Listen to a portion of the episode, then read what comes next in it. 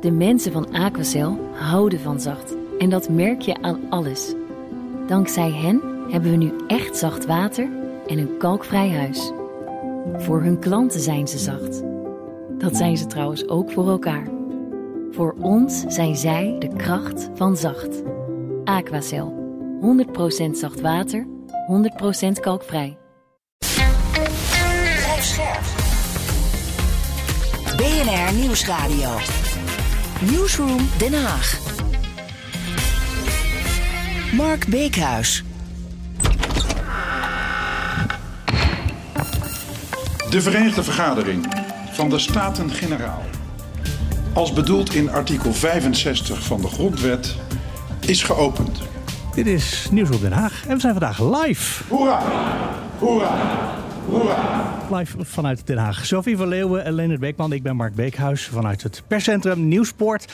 We zitten in uh, wat mij is uitbeschreven als de Mark Ruttezaal. Er zit hier ook zo'n Colgate-wimpel op de muur... die je altijd op de achtergrond ziet bij de persconferenties. Is dit de plek waar op vrijdag de minister-president altijd de persconferentie doet? Sinds kort. Dit is het nieuwe Nieuwsport. Het is nog maar een paar weken geopend. Wat een lullig klein zaaltje. Heel erg Voor de lullig. nationale persconferentie op vrijdagmiddag. Ja, ik vind het ook echt tegenvallen. Maar de rest van Nieuwsport is heel mooi geworden. Dus kom vooral een keer een biertje drinken. Ja, het licht schijnt dus fantastisch te zijn. De, Nou, ehm, hartstikke belangrijk voor de radio en de ja, voor podcast. nee, maar voor de televisie, want dat is eh, hier. Oh ja. eh, en de, de, de cameramensen waren echt te spreken over het licht in deze Maar om even te beschrijven, zo'n blauwe achtergrond met een Nederlandse vlag, zo'n lint. En dan daar, daarvoor staat dan de premier. Ja, dat was mooi dood opgevallen. Aan Het de zijkanten dienen. is dat lint is een beetje vervaagd. In het midden is het echt scherp. Gewoon de Colgate, zeg maar.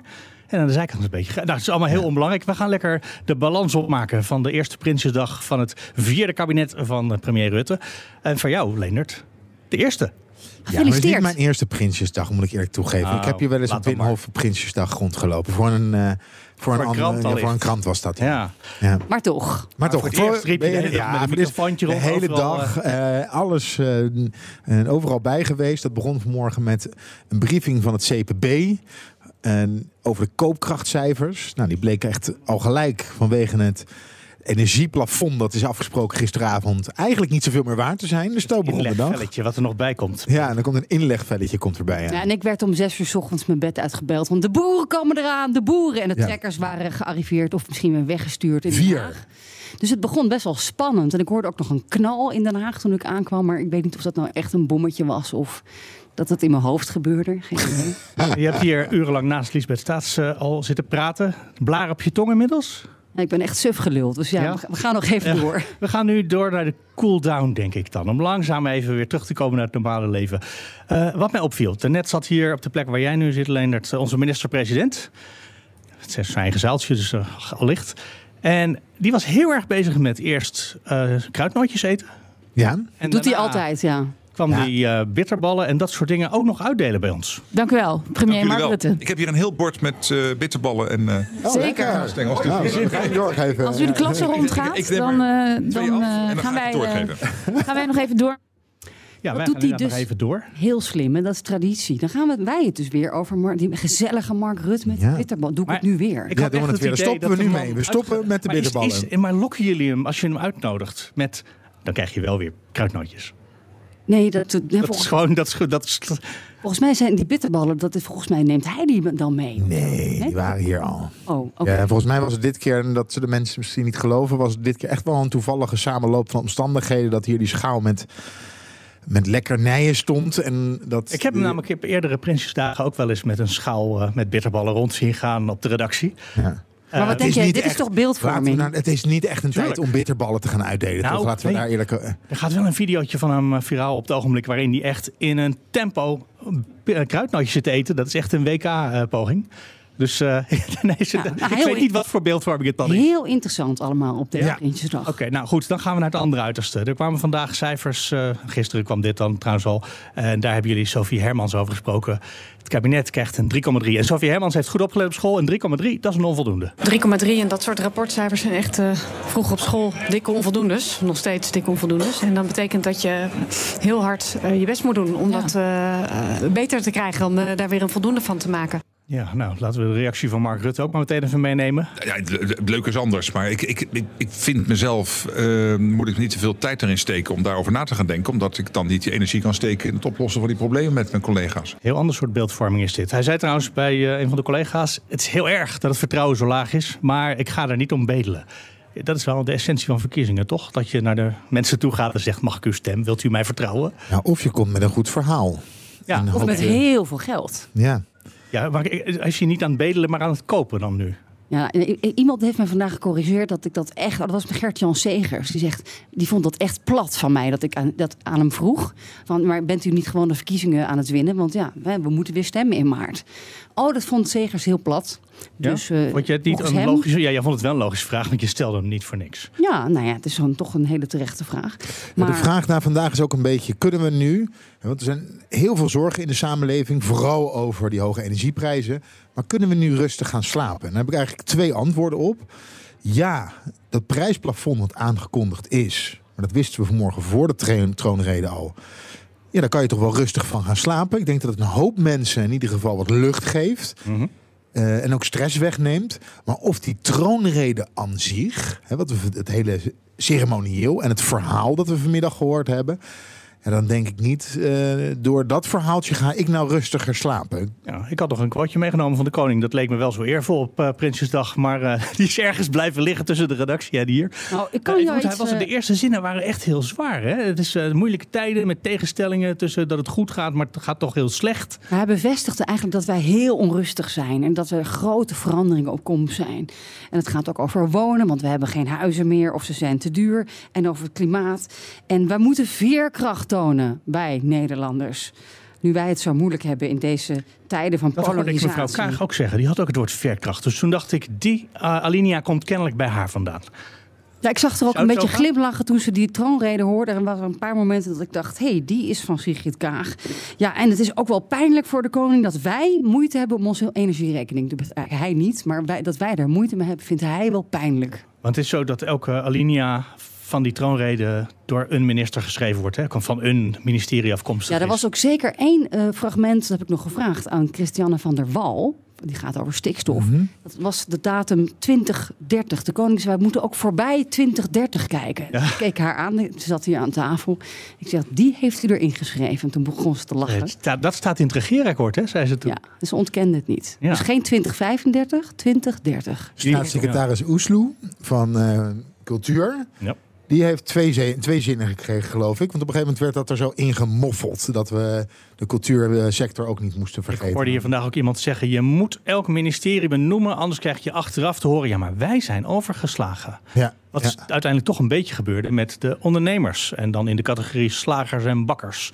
Die hoge energierekeningen hebben, wel kleine bedrijfjes zijn, maar ook grote energierekeningen. Nou, over het hebben. MKB, nou ook twee zinnen. Daar werd dan over gezegd van het bedrijfsleven dat moet ook na- naar de toekomst denken. Hè? Dus ga isoleren. En Sofie de tweede was, het punt was Nou ja, ja, Ja, gewoon- leningen. Leningen gingen ze. Ja, eh, lenen en duurzaam lenen.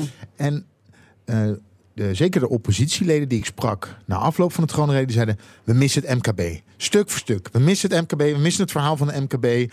En zij hebben ook die Prinsjesdag, of die, de, de, de, de stukken al gelezen. En Rutte zelf zegt dat er nog genoeg in het vat zit voor het MKB. En Kaag benoemt dat ook. Ja, bij En de werkgeversorganisaties zeiden ze het ook. Er is ons iets geboden, maar we vonden het niet goed genoeg. Dus we gaan nog verder onderhandelen. Ja, er is te weinig. Want eh, het is wel heel opvallend. Van links tot rechts. Eén groep is vergeten, dat is het MKB. Ja, die moeten iets gaan lenen waarschijnlijk. Je hebt eh, meer mensen gesproken uit de, of de. Volgens mij heb je de hele oppositie voor je microfoon gehad vandaag, Leendert. En onder andere had je Esther Ouwehand. Ehm, en met haar zei je. Speciaal voor de podcast ga ik het over je jurk hebben. Dan nog eventjes, dat doen we even voor de podcast hoor. Ja. die jurk kan natuurlijk niet onbesproken eh, blijven hè, bij bij de Partij voor de Dieren. Legt u eens uit. Nou, je kent ons van onze idealen en de statements op Prinsjesdag. Er is een visnet aan voor de vissers. Ja, En uh, het enige visnet uh, waar ik enthousiast over ben is een accessoire die je draagt. Dus niet in de zee. Maar weet je, de zee en de oceanen zijn voor 50% verantwoordelijk voor de zuurstof die we inademen. Dus als we dat niet gaan beschermen, dan komen er gewoon nieuwe problemen op ons af. Golven van problemen zelfs. Dus behalve de problemen die we nu in het hier en nu moeten oplossen voor mensen die onder het ijs zakken, moet de politiek verder vooruitkijken en zorgen dat we de bestaanszekerheid van toekomstige generaties ook veiligstellen. En heeft u nog, ja, hoe heet zo'n ding? Uh, een sherp ja. met hoezee. hoezee. Heel vrolijke uitroep. Hoezee, hoezee, hoezee. Men, ja, dat, hoezee. Hoe, hoe moet ik hem lezen? Hoe je wil. Het is, uh, het is prachtig. Hoezee staat wat mij betreft voor laten we het belangrijkste natuurgebied van Nederland gaan beschermen. De Noordzee aandacht hebben voor de leefbaarheid van de aarde. En uh, dat gaan beschermen, want anders worden de problemen in de toekomst alleen nog maar groter. Doet ja. wel behendig, hè? Jij begint over een jurk, maar die gunt je dat een klein beetje. Maar meteen gaat ze toch naar de ja. inhoud die ze heel graag wil meegeven. Maar haar inhoud, het ging vandaag heel erg over de problemen nu. Ja. Veel, zowel coalitie als oppositiepartijen spreken over de problemen nu. Want mensen eigenlijk de problemen van gisteren, want het is te laat.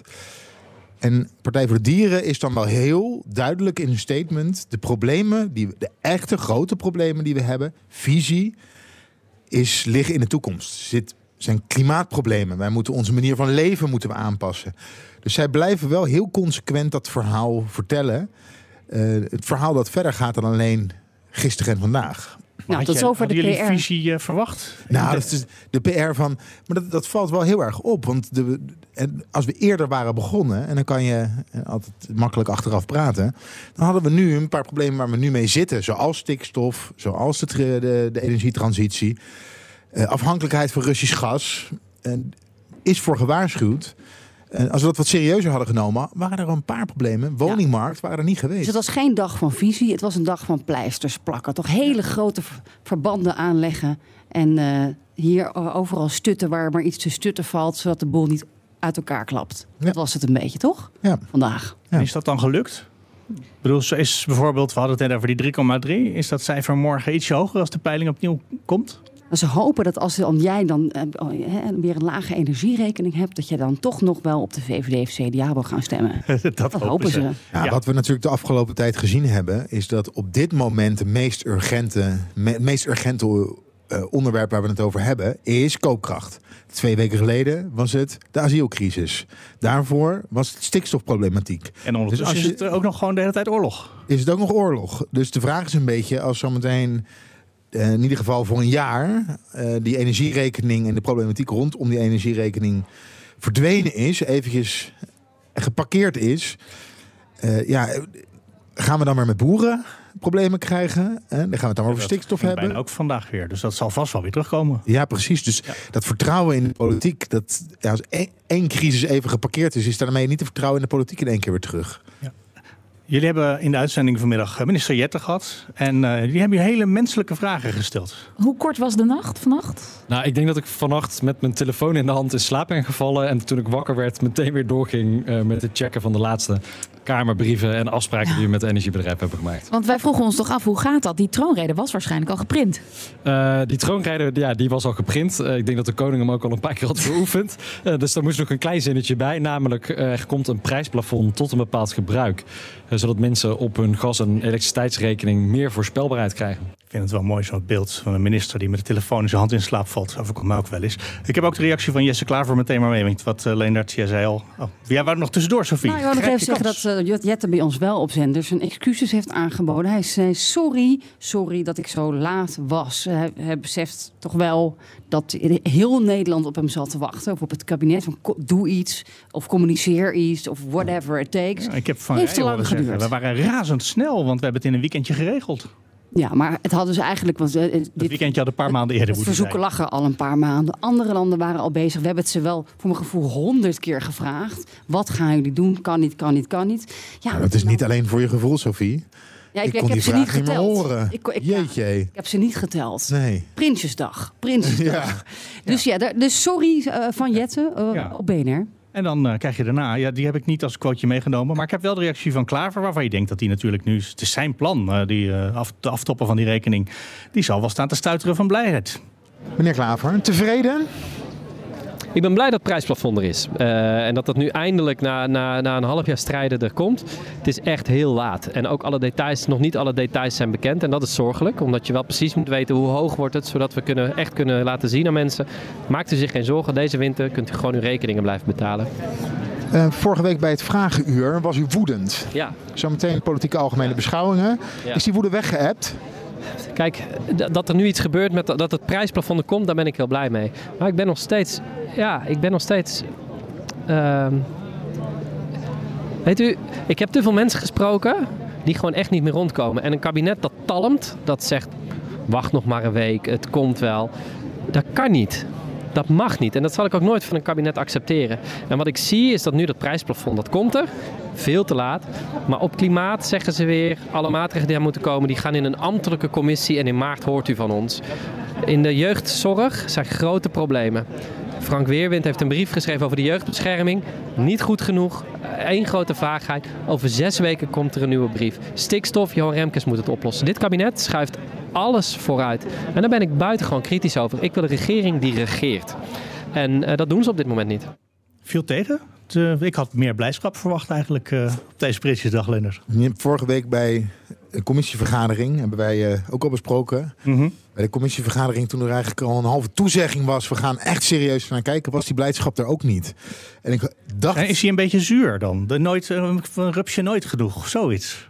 Nou ja, precies wat hij zegt. Ze vinden het te laat. Dat is een beetje het, uh, het woord dat vandaag heel veel, uh, heel veel herhaald is. Maar ik heb me wel vanmorgen, toen wij de cijfers kregen, de doorrekeningen over de koopkracht van het CPB, heb ik me wel afgevraagd um, of voor volgend jaar die energieplafond niet net te vroeg komt. Want als je kijkt naar de cijfers en Um, iedereen, ja, die koopkracht wordt echt een, een zet een herstel in. Of wordt helemaal hersteld. Voor de laagste inkomensgroepen wordt die helemaal hersteld. Ja, maar niet echt voor de iets hogere of middeninkomens. Hè? Of voor de middenklasse. Nee, maar we hebben constante communicatie gekregen. Maar we gaan er allemaal een beetje op achteruit. Hè? Veel mensen erop achteruit gaan. Want we kunnen niet iedereen compenseren. En het lijkt er nu toch op dat er een pakket is gekomen om wel zo'n groot mogelijke groep. Ondanks dat het gerichter is dan eerdere maatregelen te gaan compenseren maar nu we toch al zo laat zijn, had je je misschien ook kunnen afvragen: hadden we niet eerst kunnen kijken wat die 17 miljard zou doen van dat eerste koopkrachtpakket, waarbij de cijfers er echt goed uitzagen voor het koopkrachtherstel. En als het dan niet lukt, dan nog een keer 5 tot 15 miljard tegenaan ja, gooien. Toch een verkiezingsjaar, Leendert. Ja, ben ik nou is... te cynisch? Nou ja, als we, als we zegers mogen geloven wel. Maar ja, uh, dat is wat mijn dat was het gevoel dat vanmorgen overheerste toen ik toch die cijfers, die al gelekte cijfers, echt gepresenteerd kreeg. Van ja, dat kan wel een hele grote plus worden. En als ik dan kijk naar de situatie waarin de meeste mensen zitten, als je twee verdieners bent hè, in de middeninkomens, en je maakt je al zorgen over je energierekening van volgend jaar, ja, die zorgen zijn wel weggenomen, ondanks dat je dat misschien wel kan betalen. Maar het is nu ja, precies zoals het afgelopen jaar is geweest. Je gaat ongeveer net zoveel betalen. Zouden nu mensen gewoon hun verwarming dan dus aan laten staan... waardoor we toch weer meer gas gaan verbruiken? Want dat is waar mensen zich zorgen over maken. Hè? Dat we niet de besparing die we eigenlijk nodig hebben... want dan wordt het misschien wel betaalbaar, maar er is gewoon te weinig gas. Dat is een van de redenen waarom Jette het prijsplafond ook niet echt per se heel snel wilde. Want nee, maar... ja, dan, dan gaat dat inderdaad mis, dan gaat de kachel weer aan. Ja, dat zou dus best wel alsnog dus een tekort aan gas kunnen opleveren. Ja, nou, misschien is dat een te technische vraag voor hier om snel. Nou, wat Pieter Omzicht net bij ons op, uh, op de zender zei: van ja, je hebt wel met problemen te maken, zoals stadsverwarming. Of mensen die al van het gas af zijn en daardoor automatisch meer elektriciteit verbruiken. Dus je elektrisch kookt, uh, je hebt een, uh, een warmtepomp heb je staan. Zij, hè, omdat om gas een plafond voor gas en een gemiddeld plafond voor energie, kunnen uh, uh, mensen die al een duurzaamheidsslag hebben genomen door van het gas af te gaan, toch duurder uitkomen. Dus dan moet je ook wel weer iets. Uh, ja, je kunt niet voor iedereen iets regelen, Pieter Omtzigt, want ja, dat is niet uitvoerbaar. Ja, je wil, we willen, zijn stokbaar. Het hele doel is dat we van het gas af willen. We moeten niet meer afhankelijk zijn van Russisch gas. En als je dan juist de groep die niet meer op, aan het gas zit, uh, gaat benadelen, ja, dat, dat is wel een verkeerd signaal. Want dan ga je geen warmtepomp meer op je dak zetten. Dan ga je niet van het gas af om te koken. Precies wat, uh, wat Mark net zegt. Iets heel anders nog, want ik hoorde wel goed nieuws. Dat wil zeggen, mevrouw Van Gennep wilde het niet zeggen, Karin van Gennep. Maar ze bedoelden het volgens mij, de lonen kunnen omhoog. Wat vindt u dan van zo'n eis van 12% van de FNV? Want ja, dat, dat is eigenlijk hè, ook 10% erbij, net als het minimumloon. Dat hebben die mensen toch ook gewoon nodig? Die hebben misschien een duurder huis of een nog hogere energierekening of andere kosten. Ja. Nou, als je, um, ik heb natuurlijk zelf uh, in augustus ook uh, de werkgevers opgeroepen, waar dat kan natuurlijk, uh, om de lonen te verhogen. En dat is ook echt nodig. Daar is ook ruimte voor. Dat laten de cijfers van de afgelopen tien jaar zien. En het is ook nodig om die koopkracht te stutten van de mensen die niet minimumloon verdienen, maar wat erboven. 12 procent. Nou, 10 procent. Dan kom je bij de vraag van wat moet je structureel hè, via een cao-loonverhoging doen en wat is eigenlijk energieinflatie? En als je nu kijkt, dan zie je dat de contractlonen zo 3,5, 4 procent stijgen. De energieinflatie is 3, 4 procent. En dan kom je op de brede kerninflatie die 5 tot 7 procent is. Dat is eigenlijk waar je zegt, van daar maak je als huishouden structureel het steeds weer, heb je het moeilijk mee. Dus incidenteel, zegt... maar incidenteel zijn we natuurlijk nu ook heel erg hard bezig om een prijsplafond um, in te stellen voor de energierekening. He, daar komt vanmiddag uh, ja. alle nieuws over naar buiten. Om te zorgen dat een gemiddeld huishouden uh, kan rekenen op een vast tarief wat je energie gaat kosten uh, voor een redelijke prijs. Maar u zegt dus eigenlijk, die lonen moeten met 5 tot 6 procent omhoog. Want dat is eigenlijk de, de, de die andere, de basisinflatie. Nou, dat is de brede kerninflatie. Dus dat is, is inclusief je boodschappen. Um, en dan hangt natuurlijk wel af van in welke sector je werkt en, en bij welk bedrijf of dat kan. Maar dat is wel waar, wat nu het koopkrachtverlies van huishoudens is. Maar dat is een oproep toch van Van Gennep dan? 5, 6 procent? Nou, dit is gewoon een berekening van, van, van waar naar je kijkt. Nou, ik zou zeggen BNR, ja. we, we, gaan er, we gaan erop vooruitkomen. Ja, ja. ja precies. Ja, je, je hebt zo je best gedaan om uh... te laten zeggen... ja, dit is echt de bedoeling dat mensen het doen. Maar nee, dan was het toch weer een berekening. Ja, maar ze is ook wel weer heel blij dat dan, hè, want uh, die andere compensatie voor de energie, daar gaat het bedrijfsleven natuurlijk niet voor opdraaien. Dat is niet de bedoeling. 10, 12 procent, dat gaat niet gebeuren, die eis van de FNV. Nou ja, met dat energieplafond en een loonsverhoging van 7 procent, voor mij en mevrouw. Je wordt rijk? We, ja, dan gaan we. De, ja, jullie gaan, gaan erop vooruit. Dan, gaan, dan gaat een, een flesje champagne open. Ja. Hmm, Oké. Okay, nee, gaat een wereldreis maken. ja. Um, ik heb nog een laatste quoteje meegenomen van uh, Hugo de Jonge. Dat was echt een diepte-interview over Siewert uh, en zo. Voordat we de woningmarkt induiken, wij vroegen ons nog even af. Ja, dat lang verwachte onderzoek naar de mondkapjesdeal tussen de overheid en het bedrijf van Siewert van Lienen, dat is gepresenteerd. Um, ja, u heeft daar vast op gereflecteerd. Is er iets wat u er geleerd van heeft? Ik ga daar helemaal niets over zeggen. Maar dat was zo'n intense periode. Waarom gaat u daar niets over zeggen? helemaal niets over zeggen. Waarom niet? Ik heb er in het voorjaar heb ik een uitvoerig debat over gevoerd, verantwoording over afgelegd. Nu ligt er een rapport uh, en dat is uh, to be debated in de Tweede Kamer met collega Helder. En ik ga er niets over zeggen. Nooit meer? Ik ga er niets over zeggen. Helder. Ja, het volledig helder. Ja, maar dit klopt echt niet. Hugo de Jonge heeft zowel voordat dat debat, aange hè, dat debat werd aangevraagd, en dat wilde hij eigenlijk niet, zei hij wacht maar tot het rapport er is, dan wordt alles duidelijk en dan kan ik opheldering geven. Maar zolang het onderzoek bezig is, kan ik niks zeggen. Dat herhaalde hij nog eens in de Kamer. Ik dacht, we gaan langzaam cool down doen, maar ik hoor een zekere agressie weer in je toon komen. Ja, Opwinding. En nu is dat rapport en dan zegt hij, ja, ja nu ga ik er niks meer over zeggen. Ja, dat, dat, dit is een beetje krom. Komt hij daarmee weg? Of moet hij misschien toch in de Kamer wel ook mee kan Nou, helder gaat het doen, hoor ik net. Ja? Connie Helder. Die, die gaat het zeker doen, maar zou die dan toch niet... Uh, we kunnen toch een paar Kamerleden vragen of zij Hugo de Jonge alsnog willen uitnodigen. Nou, ik denk als we dat voor de Agema van de PVV vragen, dat, uh, dat dat wel goed gaat komen. ja. Tot, ja. wordt vervolgd. Of moeten we het er even over de woningmarkt hebben? Ja, ik, ik zag nog geen. Ook over. Ik zag nog niet echt nieuwe ontwikkelingen. Behalve dat we natuurlijk 900.000 woningen en ook flexwoningen. Ik hoorde jou sowieso volgens mij vandaag zeggen. Dus dat is sowieso niet zoveel nieuws in de troonrede. Nou ja, het was natuurlijk al uitgelekt. De, de, spanning zat een beetje op de energierekening en het MKB. Ja, maar de, troon, de troonrede die was al geschreven en geprint voordat de energierekening geregeld was. Ja, inderdaad. Ja, ja, ja. ja ik, ik, ik, weet, ik ben eigenlijk nooit zo'n fan van de troonrede. En uh, wat vond jij ervan, Leen? Dat zat je eigenlijk in de zaal? Nee, ik stond buiten. Uh, ik heb nog iemand zien flauwvallen op een verschrikkelijke manier. Maar ja, um, ja er viel zo'n uh, zo'n man, zo'n uh, militair, die viel echt, de hele lange jongen, recht achteruit. Die viel flauw. Maar echt zoals je dat in de film ziet. Ja? Met zijn hoofd in een nek. Of uh, met zijn nek in een, um, in een, in een hek. In een hek. Ja, dat was echt, echt schikken. Dat ging echt heel hard. Dat zijn van die hekken met van die punten erop hier. Nee, nee het zijn mee. van die dranghekken zijn het. Uh, hij viel met zijn hoofd tussen dat dranghek. Ik, dacht, ik dat zag was, het even helemaal voor me. Maar even in andere podcasts doen ze voorspellingen. Ik voorspel dat volgend, volgende maand al er een heel groot probleem is met bouwen rondom een stikstofuitspraak. En daar gaan we het later in een podcast eens een keertje uitgebreid over hebben. Oké, we komen aan het einde denk ik van deze hele lange Prinsjesdag. Zijn jullie een beetje de cooldown goed doorgekomen? Ja. Zin in volgend jaar of in de algemene beschouwingen? Oh, zin in morgen, zeker. Leonard gaat de hele middag uh, de, de beschouwing doen uh, in de, de Daily Move. Ja. En ik in de ochtend. En nu bier. En nu bier en wijn en dat soort zaken. Precies, einde van deze extra editie van Nieuwsroom Den Haag. Voor het eerst live, maar zoals altijd met Sophie van Leeuwen en Leonard Beekman. Ik ben Mark Beekhuis en wij spreken elkaar vrijdag weer. Heel graag tot dan. Nou. Lange levertijden voorkomen op een nieuwe auto? De mensen van Aquacel houden van zacht. En dat merk je aan alles. Dankzij hen hebben we nu echt zacht water en een kalkvrij huis. Voor hun klanten zijn ze zacht. Dat zijn ze trouwens ook voor elkaar. Voor ons zijn zij de kracht van zacht. Aquacel. 100% zacht water, 100% kalkvrij.